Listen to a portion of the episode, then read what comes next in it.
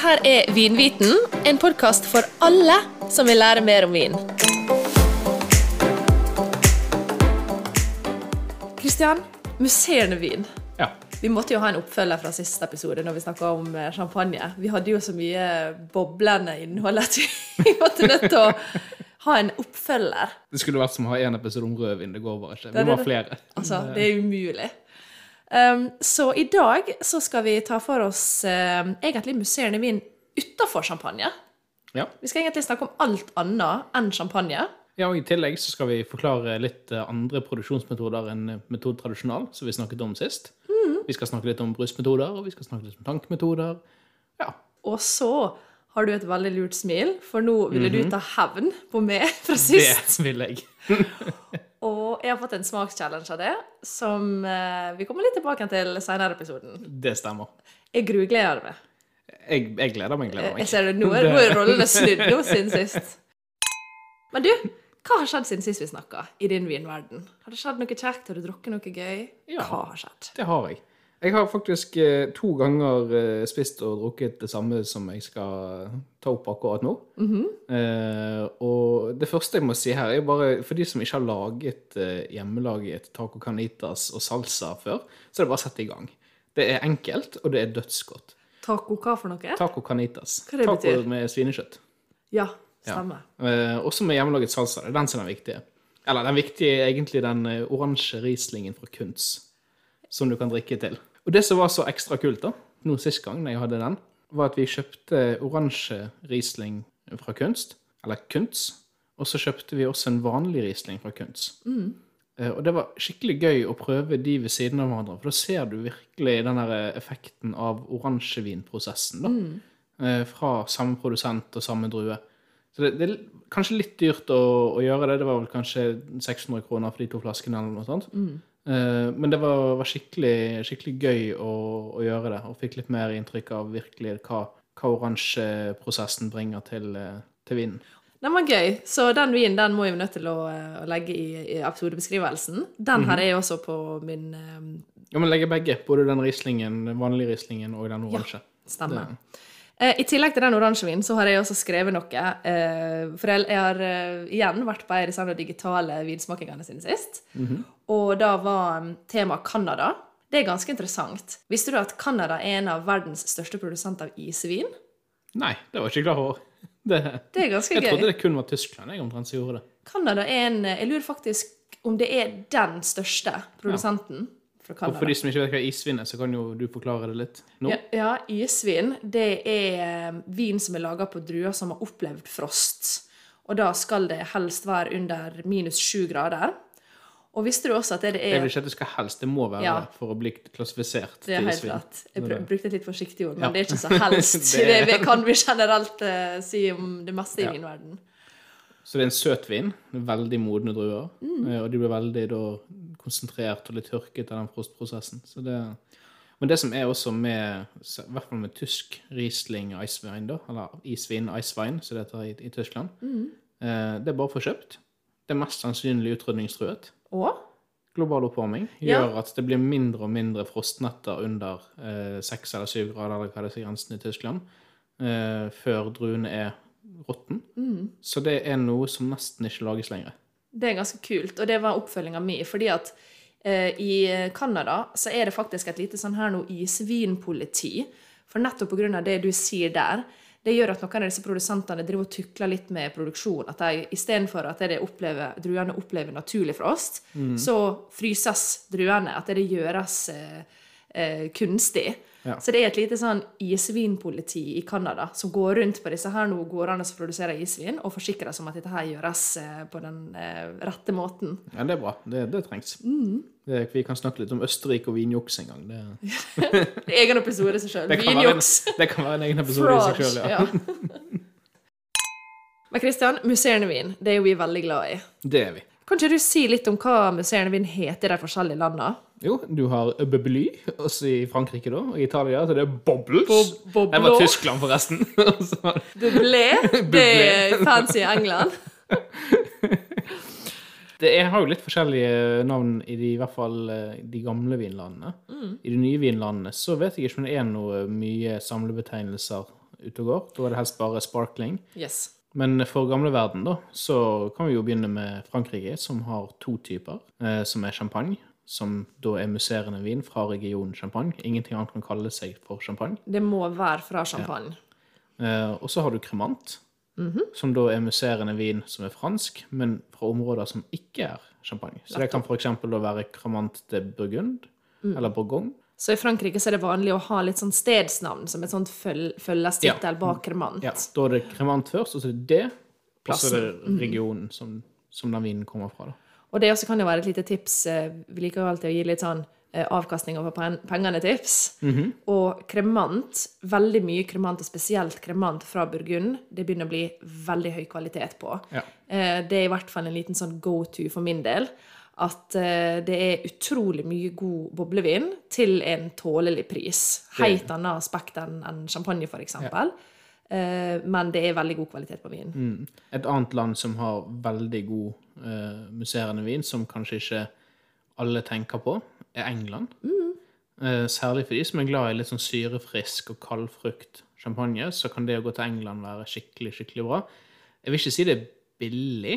Uh, det er samme prisnivå som mye champagne, men det er veldig god vin. Og det er jo også det litt ekspertene sier. Og når jeg sier ekspert, så mener jeg om dette Bø.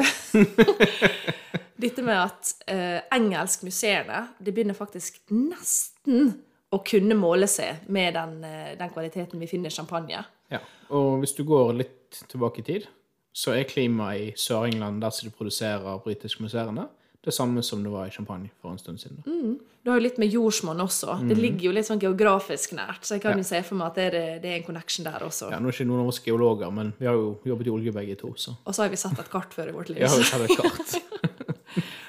Og så har vi eh, Spania. Og i Spania så er det cava. Cava, ja. Og skal jeg fortelle noe gøy om cava? Gjerne. Fordi eh, eh, spanjolene de hadde vært i Champagne og sett for lenge, lenge siden og sett at, eh, at eh, franskmennene hadde lagd champagne i Champagne. Og så hadde de tatt med seg dette her nå tilbake i ryggsekken sin til Spania. Og så hadde de begynt å lage musserende vin i Spania også på den tradisjonelle metoden. Cava lages jo også i dag på den samme metoden som champagne. Og da kalte de det faktisk champagne. Og da ble jo franskmennene rasende, så eh, de måtte nødt til å omdøpe det, og derfor kalte de det for cava. Og cava betyr faktisk kjeller. Så det var en liten sånn fun fact. Og i Tyskland så har vi sekt. Eh, og det syns jeg er veldig godt. I hvert fall til julemat og gjerne til pinnekjøtt og sånt. En musserende Riesling da. Det syns jeg er skikkelig digg. Helt fantastisk. Det hadde jeg faktisk på julaften i år. Ja. Riesling og pinnekjøtt det er generelt en veldig god kombo. Og hvis du får boble inn i det, altså da, har du, da er jo festen komplett. ja. Nei, det, da, er det, helt konge. Og så har vi litt eh, vanskeligere land, og det er Italia. Ja. For Italia, så tenker, Når folk tenker eh, musserende vin fra Italia, så tenker de Prosecco. Ja. Og det er jo det vanligste. Det er det vanligste, men i Italia så finnes det også veldig mye annet. Mm. Du har også noe som heter Lambrusco. Ja, så er det noe sånn frisante. Ja. eh, Frisante tror jeg er perlevin, OK. ikke musserende. ok. Og så har du også musserende som er laget på tradisjonell metode i Italia. Så det, så det å generelt eh, skjære italiensk musserende under samme kammen og si at det liker man ikke, det blir litt for enkelt. Og der har jo vi en, en vin som vi syns er ganske god. En, faktisk en italiensk museum som er laga på den tradisjonelle metoden, som heter Ferrari. Og det, det, bare la oss få det av veien med en gang. Det er et forferdelig navn. Det er det mest Jeg syns det er så harry å gå og kjøpe den vinen. Jeg husker første gang Men det er fikk ingenting med bilprodusenten å gjøre. Bare kom deg ut og kjøp den, han er god. Det er laget på Chardonnay. Ja, det er faktisk sant. Det, sant. Jeg husker første gangen jeg hørte navnet eller så etiketten, så tenkte jeg bare jalla, men eh, gi det en sjanse, for den er virkelig god. Og den har faktisk flere varianter. Den har både en rosé-utgave og så en sånn her litt fancy utgave. Den husker jeg ikke hva jeg heter, men der skal jeg finne den, og så fikk jeg anbefalt. Og den skal jeg legge i eh, episodebeskrivelsen, den òg. Og så var det én ting jeg hadde lyst til å si om Prosecco, for det er også litt sånn fakta. Fordi Prosecco det er musserende vin som er laga i et område som heter Veneto i Italia, nord i Italia. Og den, den er laga av ei drue som heter Glera. Fordi at tidligere forsto jeg at det, den drua ble kalt Prosecco, men så var det andre steder i verden som lagde vin av Prosecco-drua og kalte det Prosecco. Så igjen, italienerne ble litt sånn Nei, ikke ta det som er vårt. Så derfor omdøpte de Prosecco til Glera. Altså druen. Drua, ja. Ja. Og så kalte de den musserende vinen fra Prosecco fra Veneto. Ja. Men så har jo vi noe som jeg har blitt veldig glad i det siste, og det er patnat. ja, og det er det mange som blir glad i det siste. Det er forfriskende. Ja, det er blitt så populært, det. Ja. men det er kanskje egentlig ikke musserende Nei. i den samme kategorien som vi snakker om nå. Det er litt mer perle. Men vi har veldig lyst til å snakke om det likevel, eh, for det er så godt. Her må vi ta med alle gjengen. Vi, vi må rett og slett Vi har så mange i gjengen. Vi har lyst til å ta med alle. Ja, for dere, vi har jo snakka litt om patnat i, i podkasten vår før, men for de som ikke vet hva det er, så er det Det står altså for patilla naturell. Og det er jo nettopp sånn som du sier, en, en ganske sånn tradisjonell, gammel, en gammeldags måte å lage Ja, bobler det er den eldste metoden som er kjent for Ja. å få bobler i flasken. Og forkortes eh, da patnat. Ja. Og den står eh, Det, det, er- kommet så mye gøy på Pol også Mm. nå i det siste. Og det er en del av den naturvinoppsvingen ser nå. Det er ofte, kanskje alltid, men i hvert fall ofte, eh, naturlig vin, altså naturvin, som er på de flaskene. Mm. Og en veldig sånn lavintervensjon og naturlig metode for produksjon av, av bobler, da. Mm. Så er veldig populært i den kategorien. Ja. Mye godt. Veldig mye godt. ja. Og spesielt til sommeren nå, så Ja. kommer veldig, veldig mye god på ett natt. til parken og til bær og til ja, Fantastisk, alt. Så kjekt med sommer. Så hvis ikke du har prøvd det før, igjen anbefaler jeg absolutt å prøve. Og vi skal selvfølgelig legge en av våre favoritter i eh, episodebeskrivelsen, sånn at du kan sjekke den ut hvis du vil. Det er en god plan. Men da har vi jo snakket litt også om uh, Mm. Så kanskje vi skal ta en liten forklart session, der du Ingeborg, kan forklare litt hvordan eh, man produserer musserende vin. Det syns vi skal gjøre.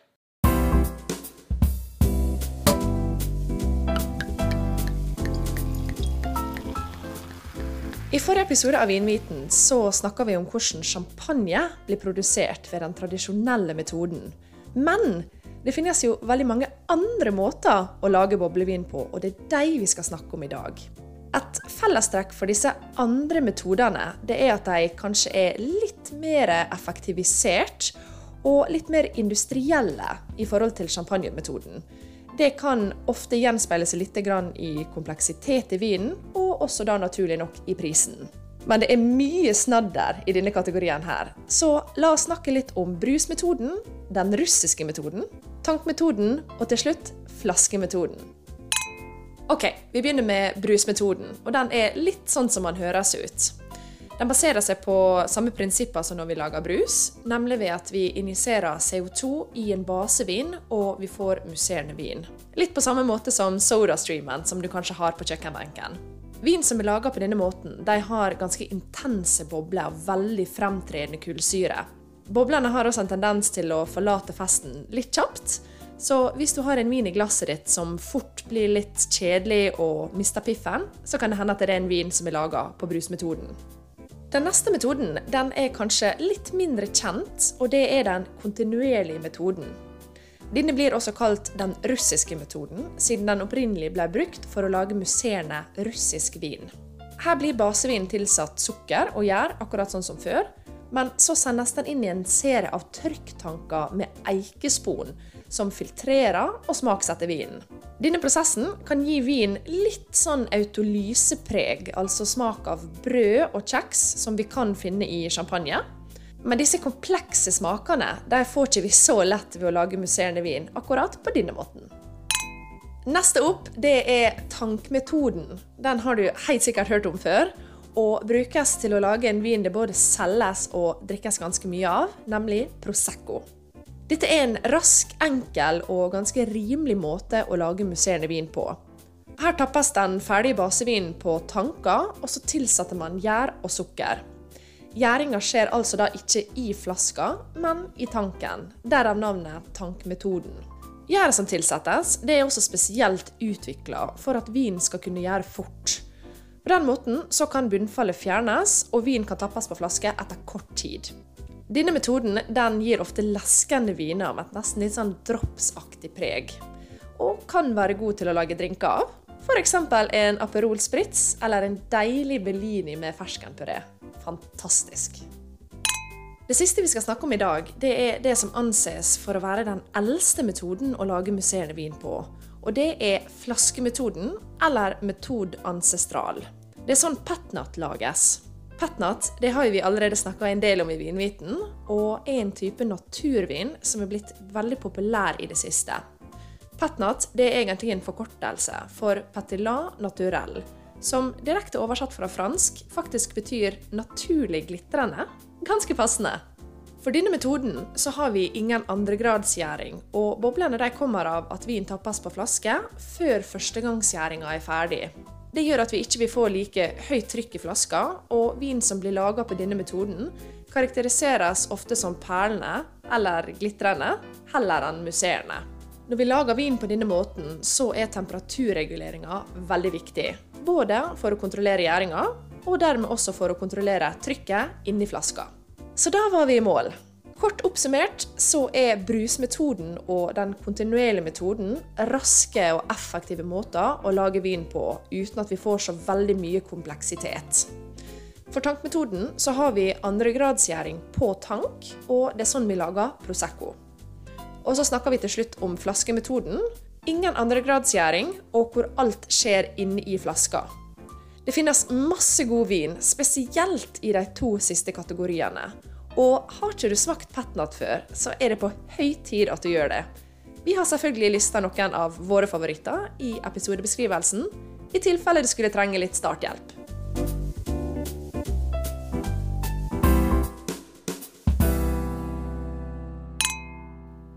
Ok, men nå er det på tide at jeg tar hevn på Ingeborg fra sist her. For da har hun med seg en flaske Prosecco, så jeg måtte smake blindt. Så nå har jeg kjøpt inn en flaske med noe som heter Pangras fra Sør-Afrika. Eh, det er laget med pinot noir og chardonnay, som er champagnedruer. Og det er laget på den tradisjonelle metoden, som er champagnemetoden. Så kanskje vi klarer å lure henne til å tro at dette er champagne. Det som kanskje kan tipse om at det ikke er champagne, er at det er litt lav syre og kanskje litt for moden frukt. Det blir spennende å se om hun plukker opp på. På smak og sånt så er det eple og sitrus det går i. Så finner du også litt sånn smør og nøtter og sånt, men det, da blir jeg skikkelig skikkelig imponert, altså, om hun klarer å, å finne det. Og det sier jeg fordi at jeg ikke klarte å finne det sjøl. Så da er det bare å hente inn eh, Ingeborg, og så setter vi henne foran mikrofonen og gir henne et glass. Ok, greit. Da fikk jeg noe. Der har du et glass. Ok. Og dette er da innhold. Det er innhold, og det er kaldt, og du har hatt det i et ganske smalt glass. Nå må jeg ta alle. All informasjon jeg kan få, det må jeg, det må jeg bruke til min fordel. Ok, litt lukting. OK? Nå ble jeg redd. Hvorfor ble du redd?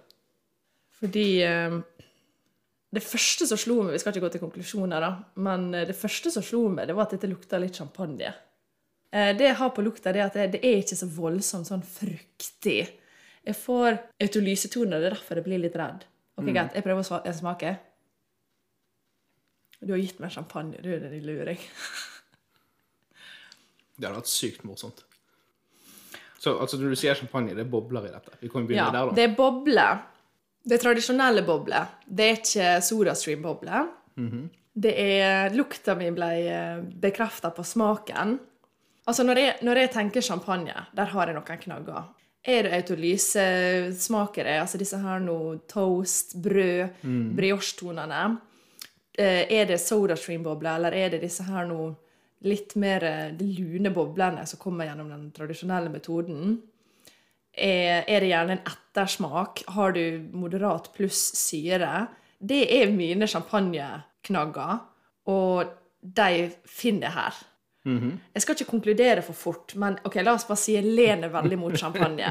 ok? Det er jo også andre ting som kan ha litt sånn autolysepreg, da, som er laget på den tradisjonelle metoden. Eh, det kan være fra Frankrike, det kan være fra andre land. Eh, og det er jo kanskje litt det kan, Jeg syns det kan være veldig vanskelig sjøl å skille en champagne fra en cremant de Burgund, spesielt en fra sånn nordlig område. Jeg har også bommet på champagne og britisk-museene. Så jeg, syns sjøl at altså, det å, skille champagne, er, eller skille musserende vin, er mye vanskeligere enn å skille andre ting. Og jeg er ikke flink til andre ting heller. Så det er ingen lett oppgave du har foran deg her nå. Det, jeg tenker som det knaker mens du snakker. Jeg tror ikke det er en cava, for eksempel. For på cava så ville jeg hatt en, tror jeg ville hatt en mye Eller det jeg forbinder med cava, det er litt mer bitrere smak. Nesten litt sånn gummitendens i smaken av og til. Så jeg tror ikke det er en cava. Jeg tror ikke det er en prosecco. Han er altfor uh, Det er kanskje litt uortodoks å si, men jeg syns det er for godt til å være prosecco. Sagt, sagt på en annen måte, det var ikke dropspreget eller liksom den, eh, den pærepreget som jeg fikk sist, Nei. som gjorde at jeg gikk for Prosecco, da. Nettopp. Jeg tror eh, ikke det er en eh, Jeg tror ikke det er en petnat. For den også tror jeg hadde vært mye mer fruktig. Eh, og jeg tror han hadde, vært, eh, han hadde hatt noen sånne X-faktorer med seg som, eh, som jeg hadde kunnet kjent igjen, tror jeg. Ja, For meg så er det også for mye bobler her til å være petnat. Ja, ok. Ja, for det- petnat er litt mer perlende, kanskje. Ja. Jeg tror ikke det er en sekt, altså en tysk eh, musserende, for da hadde jeg tenkt at du hadde tatt en, tysk, nei, en, eh, en musserende Riesling, for eksempel, og der hadde jeg funnet mye mer um, blomstertoner, tror jeg. Så hvis jeg kan ta alt det, med mindre du har gitt meg en, en musserende vind fra den nye verden, da, det, det tror jeg ikke. Jeg tror du har gitt meg en, hvorfor tror ikke du det? eller for å si det sånn, da, hvis du har gjort det, så er det ganske kult, for da må jeg følge med, for det har jeg smakt veldig lite av. Men det er for kjent. Altså For meg så er dette her veldig kjent. Så det er og jeg er jo veldig glad i, i kremant. Kremant, kremant. Så det jeg tror jeg har i glasset, det er enten en kremant, altså en fransk musserende vin, eh, eller så har du vært eh, tulen og gitt meg et glass med champagne. Likte du det? Jeg syns det var veldig godt. Det, er, um, det er litt kvalitet man finner her. Så jeg, um, dette her er noe som Det, det, er, ikke, det er ikke bottom tier. Men en helt annen ting, det som vi ikke har snakket om. Mhm. er, det, er det hvitt, eller er det rosé? Det kan ikke være en rosévin. Hvis det er det, så skal jeg bite i meg alt jeg har sagt om rosé. Den latteren der vil nok fortelle meg at det er Vil du vite druene? um, Får gjette på druer, da. Jeg tipper det er en eh, Blanc de Noir eh, kremant fra midten midt, midt til sør i Frankrike, og at det er en eh, fra Pinot Noir, dette her. Og Blanc de Noir er jo da at det er laget på røde druer. Nettopp. Kun røde druer. Det er det ikke. OK. Men det er Pinot Noir oppi. OK. Og så er det Chardonnay oppi. ok. Og nå smiler hun lurt, for det kjenner hun igjen som champagnedruer. Ja, jeg blir bare reddere og reddere. ja, nei, jeg, jeg, jeg tror jeg er nødt til å tro at dette her er champagne, altså. Altså, for å si det sånn Hvis dette her er en kremant, så er det en kvalitetskremant. Det er ikke en kremant heller. Å, faen. Og det er ikke champagne. Mm. Og du, du var inne på det med syrenivået, syns jeg, og på, litt på frukten. Jeg syns også frukten er litt mer sånn Litt varmere enn champagne. Eh, det er, uh, som jeg sa, Chardonnay og Pinot Noir. 60-40. Jeg husker ikke hvilken som var 60 og hvilken som var 40. Det er laget på tradisjonell metode, eller champagnemetoden, som det også kalles. Produsenten heter Pongras, og det er fra Sør-Afrika. Gud, så sykt kult! OK, det ble imponert. Og dette koster hvor mye, tror du? Tipper det koster 240 kroner. Tror det koster 170 kroner. Nei. Jeg syns dette er et eh, gøy kjøp. Altså, glasset mitt er tomt allerede. Jeg glasset ditt er tomt. Vi må mer. Jeg syns ikke det var så hakkende galt, Kristian. Nei, jeg syns du har klart deg veldig bra i nå, altså.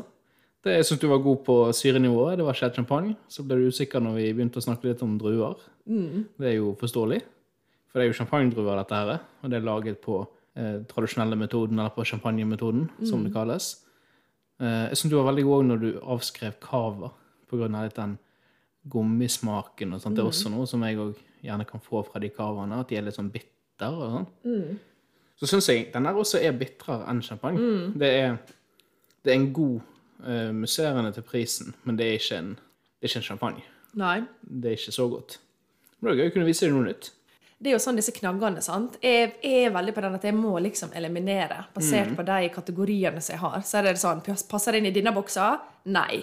Gå videre til neste boks. Passer den der? Videre. Men det, det tror jeg er en unnskyldning for du har lyst til å smake mest mulig. det er helt sant. For å få flere bokser. Flere riktig. Flere Men det er kanskje bokser. derfor jeg ble forvirra, for jeg har ikke noen Sør-Afrika-boks. Så da må Men- jeg Jeg har har den. jo servert deg sørafrikansk vin før. Har du det? Ja. Du må begynne å si Ingeborg, følg med. Nå er det noe nytt i glasset ditt. Jeg tror jeg sa det. Gjorde du? Ja. Akkurat, det var sikkert god stemning, da, så da Det det. stemmer, det var god stemning. Ja, men gøy, Kristian. Sykt gøy challenge. Skål. Skål.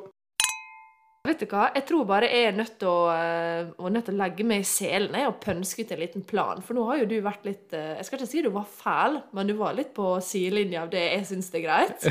Så nå tror jeg jeg må gire opp litt eh, challengen til neste gang. OK. Så du får bare øve. Det er open season. Er det open Det season er neste open gang? season. Ah, nei, det, det, det, det OK, greit. Vi får diskutere dette. Men vi vet det blir kjekt, og forhåpentligvis så lærer vi noe. Og det er det som er målet. Det er det som er målet. Strålende. Men du, da snakkes vi neste gang, da. Vi snakkes neste gang. Ha det! Ha det. Kanskje jeg skal ta på autotune. Vi skulle lage podkast. det er riktig med det vi skulle. Flaske etter kort tid. OK, focus! Stoneface! Jeg har veldig godt kort. Og så har vi B.